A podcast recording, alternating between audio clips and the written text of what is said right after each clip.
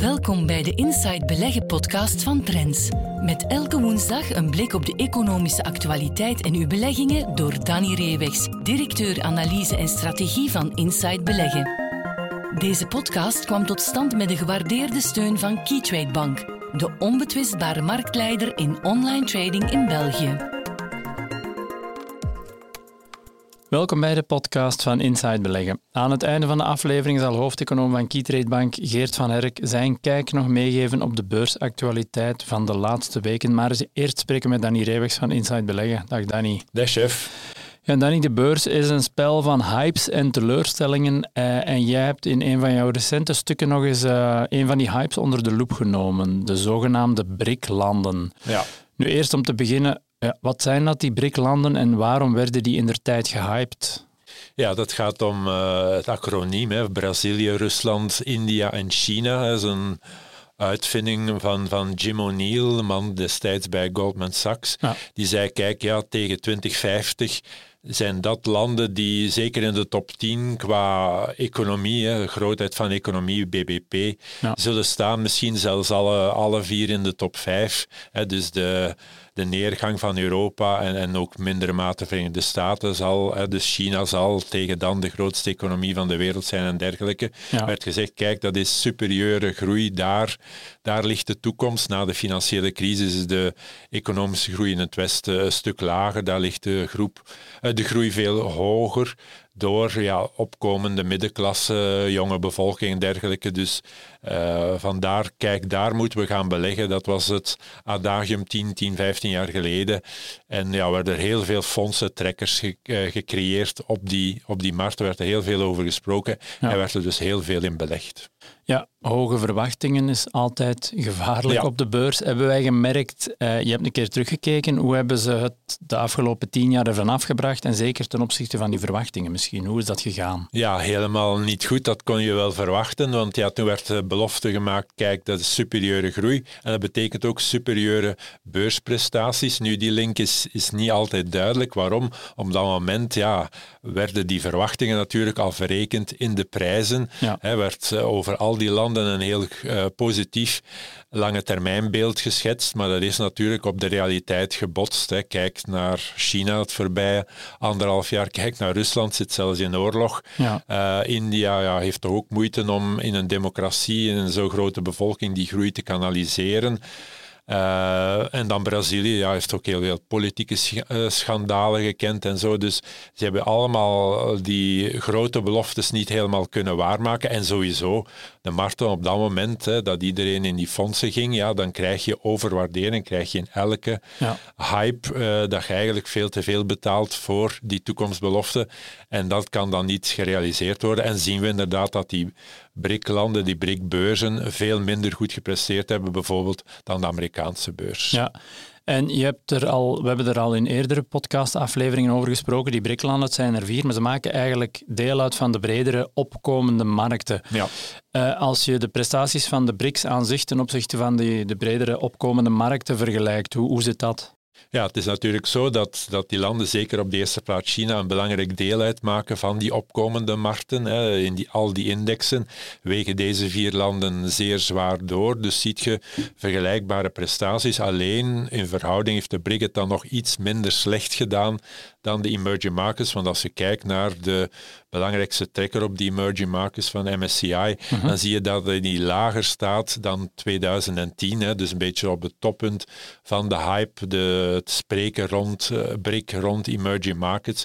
Ja, dan is het toch wel bijzonder teleurstellend weten dat in die periode de S&P 500-index een return, dus uh, stijging en uh, dividenden van meer dan 300% heeft gerealiseerd. Dus de prestatie van de opkomende markten, die emerging markets, ten opzichte van de westerse beurs is, is wel heel slecht. Ja. Nu je dat zo vertelt, valt er een belangrijke les te trekken voor beleggers uit dat je economische groei niet altijd moet gelijkstellen of economisch potentieel aan beurspotentieel? Ja, dat is ook absoluut zo, hè, want economische groei kan uh, voor, voor, de beurs afgeremd worden, dat ook bijvoorbeeld de rente gaat uh, stijgen in die landen. Het ah, is het geopolitieke uh, verhaal. Hè, als er dingen gebeuren die, ja, die niet gunstig zijn voor beleggers, bijvoorbeeld fiscaliteit. Hè, Als het be bewind van rechts naar links gaat, om het maar kort door de bocht te zeggen, ja, dan uh, verwacht de markt ja, uh, belastingverhogingen en dergelijke, vermogensbelasting en dergelijke. Ja, dan mag die economische groei op dat moment nog geweldig zijn in dat land, gaat die beurs toch niet goed presteren. Dus, en, en link leggen van als de groei goed is, zal de beurs het goed doen? Nee, die mogen we absoluut niet leggen. Regelmatig is dat wel zo, maar dat is geen vast adagium op de, op de beurs. Nee, geen één op één. Nu, ja, ze hebben het er niet al te best van afgebracht de laatste tien jaar. Ja, wil dat volgens jou zeggen dat we ze volledig moeten, moeten afschrijven? Of ja, welke rol kunnen ze aan de huidige beurskoersen waaraan ze noteren eventueel nog spelen? En hoe zit het qua risicorendement? Ja, ik denk dat op dit moment een veel beter uitgangspunt is. Ten eerste, ja, daar wordt nauwelijks nog over gesproken, over de ja. BRIC-landen. Dat is niet meer populair. Niemand zal uh, van de bank zal u komen zeggen, je moet nu een BRIC-fonds uh, kopen. Hè. Dat was 10, 15 jaar geleden helemaal anders. En nu, uh, de basis is nog altijd hetzelfde. Daar is de, zitten de millennials, de opkomende middenklasse. De groei mogen we op lange termijn nog altijd inschatten als hoger dan, dan hier. Alleen moet je vandaag niet voor betalen wat je toen, tien jaar geleden, wel moest doen. Hè. Want als je kijkt naar de waardering, gemiddeld een 10 keer de winst, 1,1 keer de omzet, 1,1 keer de boekwaarde. Ja, dat zijn ratios waar niet dat groeipotentieel in verrekend zit. En al het negativisme, zeker nu rond Rusland en China uh, er is.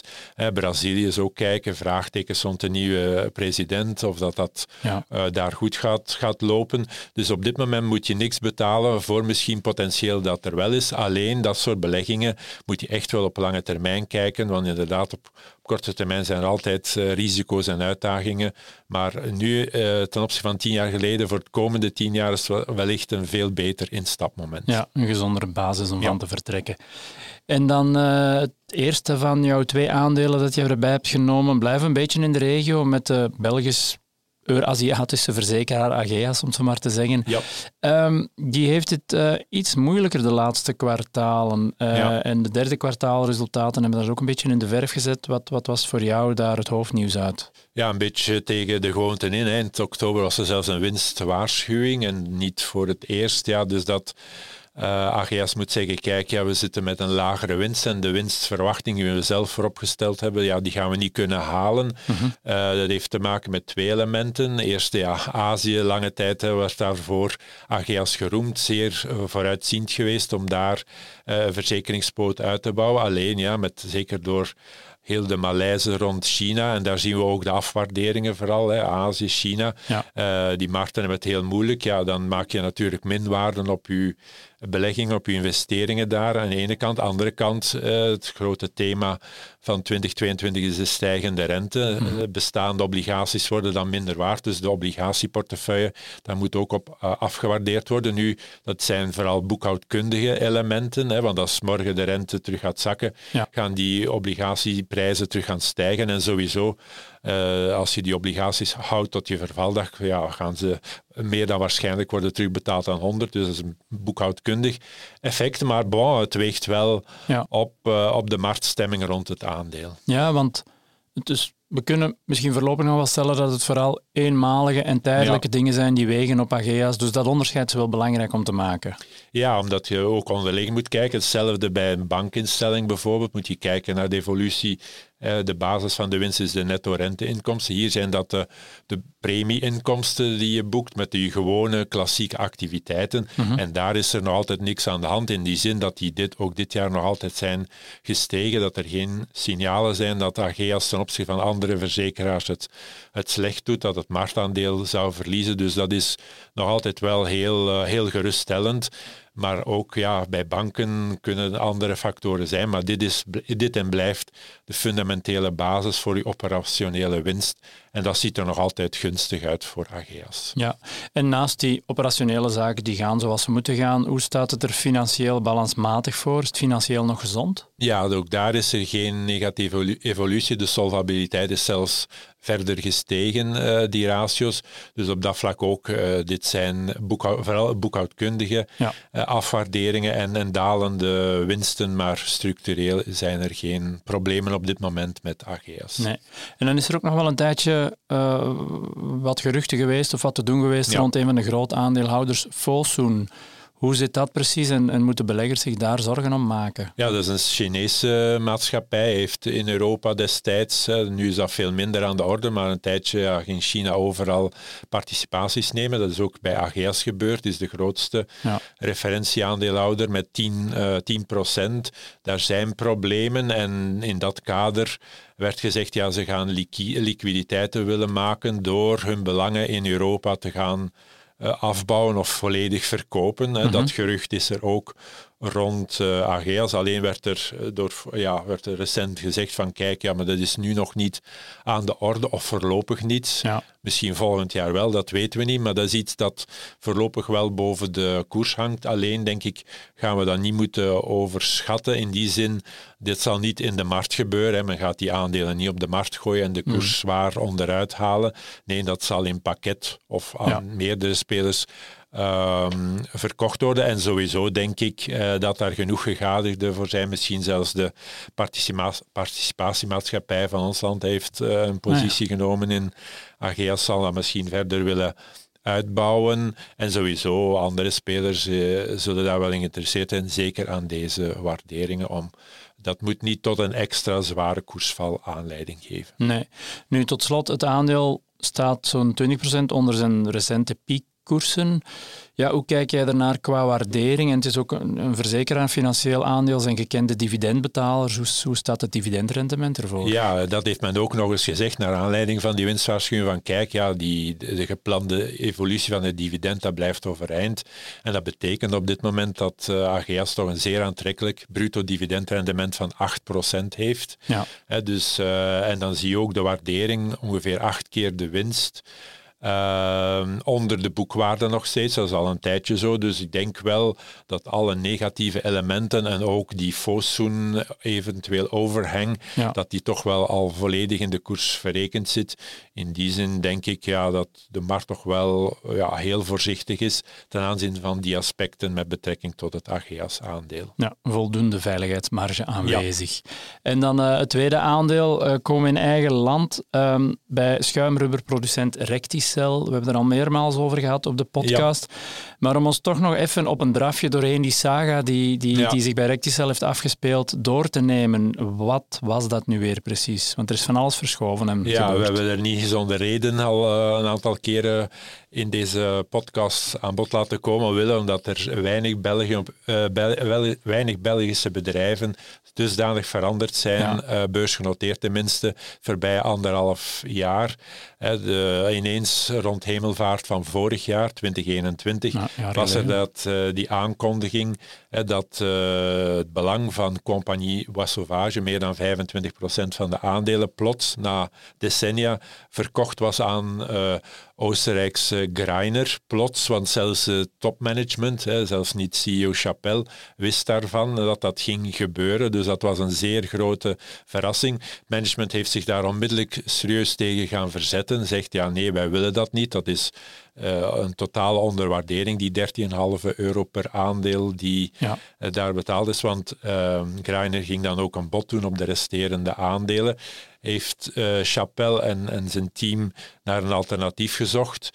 En dat heeft men gevonden in het feit dat men hetgeen waarvoor uh, Grindr die participatie nam, met name de engineered foams afdeling, de grootste divisie, ja. uh, met vooral technische schuimen, door die te gaan verkopen aan het Amerikaanse Carpenter, dat ja. is goedgekeurd geweest op een buitengewone algemene vergadering. En toen stond Greiner eigenlijk met lege handen en konden ze enkel, want de koers was wel mooi gestegen. Hè. Dat was een topaandeel vorig jaar, Recticel.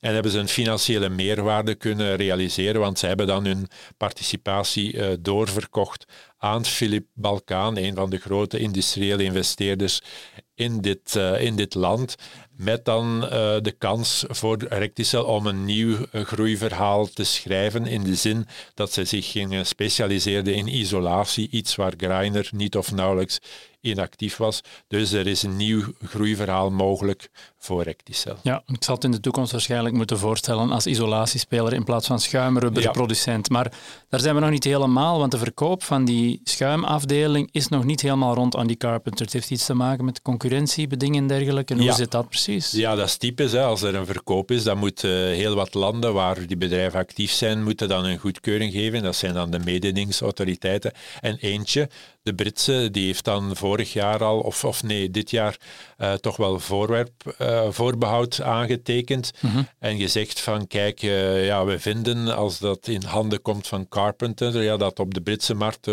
concurrentie toch wel verstoord is, dat die een te groot belang hebben. Carpenter heeft dan naar een oplossing gewerkt door belangrijke activiteiten, fabrieken te gaan willen verkopen. En de autoriteiten in uh, Verenigd Koninkrijk zijn daar nu mee akkoord op voorwaarde ja, dat dat een, een kleinere speler is, dat dat uh, het probleem mm -hmm. oplost. Dus Carpenter moet nu in het Verenigd Koninkrijk of elders op zoek naar een partij die die belangen wil overnemen en dan mag uh, de overname wel doorgaan. En dat is heel belangrijk voor Recticel, want dat zou betekenen dat ze van een schulden naar een netto cash bedrijf ja. worden van ongeveer 300 miljoen. En dan kunnen ze, hebben ze geld om in isolatie terug dat groeiverhaal te gaan schrijven. Ja, dan kunnen ze dat aan het werk zetten. Nu, het is een aandeel en een bedrijf in volle transitie. Ja. Um, ja, hoe kijk jij er momenteel naar of hoe moeten beleggers dat inschatten, ook aan de huidige koersen waar het, waar het momenteel aan noteert? Ja, hoe kijk jij er tegenaan? Ja, op korte termijn zijn natuurlijk wat donkere wolken gekomen hè, met heel de bouwsector. De rente is gestegen. Uh, dat betekent ja, dat een aantal projecten misschien vertraging zullen oplopen. Hè, dat dat niet meer vanzelfsprekend is. Aan de andere kant is er heel de Green Deal, heel de renovatietendens ja. op lange termijn die nodig is. En waar isolatie een, een cruciaal onderdeel van is. Hè. Heel veel... Huizen zullen moeten uh, veel beter geïsoleerd worden. Dus dat is een mooi traject dat Recticel kan, kan rijden. Alleen, ja, dit jaar zal wat tegenvallen. Hebben ze zowel in het tweede als derde kwartaal eigenlijk onder de verwachtingen gepresteerd. En dus een prognose van een bedrijfskaststroom, een EBITDA van 60 tot 65 miljoen, was onder de verwachting. Ja. Alleen uh, is het aandeel nu wel in herstel sinds die onzekerheid rond de Britse autoriteit eigenlijk wel aan het uh, verdwijnen is en dat Balkaan aan, van de lagere koersen door de mindere uh, tweede en derde kwartaal gebruik gemaakt heeft om toch wel vrij stevig uh, bij ja. te kopen, wil zeggen, ja, kijk, voor lange termijn denk ik zit hier wel een groeiverhaal in op Euronext Brussel. Ja, insider aankopen meestal een goed teken. Nee, jij bent heel erg bedankt voor uh, jouw tijd en inzichten daarover deze week en graag tot volgende keer. Tot volgende keer. Dag. We luisteren nu naar Geert van Herk chief economist van Keytrade Bank, met zijn analyse op een aspect van de economische actualiteit. Hallo iedereen en welkom bij onze wekelijkse bijdrage in de Inside Beleggen podcast. Vandaag wil ik even stilstaan bij lange termijn trends. Want af en toe zien we in de media artikels of analyses opduiken waarin men het heeft over thema's die ja, de komende vijf en tien jaar zeer belangrijk zullen zijn en daaraan gekoppeld hoe je er als belegger kan op inspelen. Vaak gaat het natuurlijk over technologische trends. We denken aan de digitale revolutie, artificiële intelligentie, cybersecurity. Ook de elektrische wagen is een thema dat heel vaak terugkomt, net zoals de vergrijzing. Of bijvoorbeeld ook ja, de, de consument in China die, die recht gaat staan. En ja, het gevoel dat me dan een beetje bekruipt als ik al die analyses lees, dan is dat toch dan eigenlijk ja, dat bijna wel elk Europees aandeel uh, of sector in aanmerking komt uh, voor uh, zo'n lange termijn trend. Met andere woorden, er is niet één of andere sector of bedrijf die er echt gaat bovenuit springen en die op lange termijn dan ook een superieur rendement kan halen, omdat dat bedrijf of die sector gelinkt is aan een belangrijke lange termijn trend. En ik denk dat willen we een goed zicht krijgen op de winnaars van de toekomst, dat we vandaag, vandaag de dag eigenlijk vooral moeten kijken naar de waardering van sectoren. Want hoe lager die waardering, hoe interessanter het lange termijn potentieel. Ik heb het al vaak aangehaald in deze podcast. De waardering waaraan je een aandeel of een sector of een regio koopt, die bepaalt heel sterk het rendement dat je gaat halen op 5 en 10 jaar. En als we vandaag zo'n beetje, ja, laten we uh, misschien ons toespitsen op Europa, de Verenigde Staten. Als we vandaag een beetje kijken naar de waarderingen van de markten, ja, dan blijft toch nog altijd het gevoel overheersen dat die Amerikaanse markt, uh, ondanks de recente correctie, toch nog altijd een vrij duur geprijsde markt is. Terwijl Europa uh, wat interessanter geprijsd is.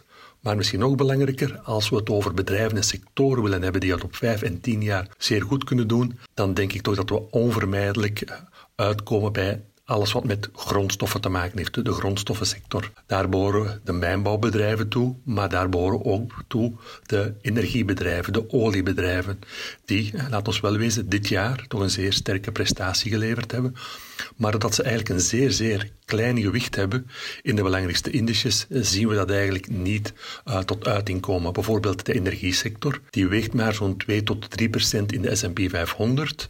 Dus ja, als die sector zeer sterk presteert, heeft dat eigenlijk weinig impact op de prestatie van de S&P 500. Terwijl de technologiesector, die nog altijd ja, 25, 30 procent vertegenwoordigt van de S&P 500, ja, die heeft het dit jaar veel, veel moeilijker gehad. En vandaar ook dat die sector vooral de S&P 500 onder neer neerwaartse druk zet. Maar terug naar de uh, lange termijn perspectieven of de winnaars uh, van morgen. Als we vandaag opnieuw kijken naar die waarderingscriteria eh, voor de grondstoffensector, de mijnbouwbedrijven, de energiebedrijven, dan zien we daar toch nog altijd zeer lage koers-winstverhoudingen. Uh, en hoe lager die koers-winstverhoudingen natuurlijk, hoe hoger uh, het lange termijn potentieel. En ik denk dat dat de afgelopen twee jaar, hè, waarin die bedrijven toch al sterk gepresteerd hebben, dat eigenlijk weinig veranderd is. Een bijkomend argument dat we ook kunnen aanhalen voor de sterke prestatie, of de te verwachten sterke prestatie van de energiesector bijvoorbeeld, is, zoals ik al net zei, dat lage gewicht in de S&P 500. We zien ook regelmatig dat sectoren die heel zwaar wegen eh, in de S&P 500 na verloop van tijd een lager gewicht gaan opzoeken en dat zwakke sectoren, of die sectoren die de afgelopen tijd, laten zeggen de afgelopen 5, 18 jaar, zwak gepresteerd hebben, dat die natuurlijk een heel laag gewicht hebben uh, in de S&P 500. Vandaar dat je toch altijd een soort van rotatie ziet. De zwakste sector, of de sector met het laagste gewicht nu in de S&P 500, die heeft ook heel veel potentieel om, om na verloop van tijd opnieuw naar de bovenkant uh, te gaan roteren. Met andere woorden, de energiesector die nu ongeveer ja, 3 tot 4 procent van de S&P 500 vertegenwoordigt, ja, de kans dat dat in de toekomst gaat toenemen naar 10, 15, misschien zelfs 20 procent uh, is bijzonder groot. En dat gaat dan natuurlijk ook wel een heel positief effect hebben uh, op die sector, want hoe belangrijker die sector wordt in de index, die aandelen moeten dan ook natuurlijk gaan gekocht worden door uh, de, de trekkers, de trekkers die de S&P 500 volgen. Dus er kan daar ook een, structurele vraag zijn naar die aandelen vanwege de ETF-leveranciers. Maar goed, om terug te komen naar ons thema van de podcast van vandaag, om een zicht te hebben op de winnaars van de toekomst, zeg maar vijf, tien jaar. Kijk naar de waarderingen van vandaag. Bekijk de verschillende sectoren. Beleg vooral in de sectoren die op de dag van vandaag de laagste koers-winstverhoudingen hebben, de laagste uh, koers-boekwaardeverhoudingen hebben of de laagste enterprise value EBITDA verhoudingen. En als je die bedrijven ja, tijdens correcties of als je geld aan het werk wil zetten, als je geld extra wil beleggen, als je daarop gaat focussen, dan ben ik ervan overtuigd dat je op lange termijn een mooi of een super, superieur rendement uh, kan halen. Ik heb het al gehad over de grondstoffenbedrijven, de energiebedrijven. We kunnen daar ook nog, nog wel de, de financials aan toevoegen, zeg maar, de banken en de verzekeraars. Ook omdat we toch lijken te evolueren naar een uh, structureel hoger niveau van de lange termijnrente, wat ook een belangrijke ondersteunende factor uh, voor die bedrijven moeten zijn. Dus de winnaars van de, de toekomst, volgens mijn mening, liggen die vooral bij de grondstoffenbedrijven en de financiële aandelen. Bedankt om te luisteren naar deze podcast en we horen elkaar opnieuw volgende week.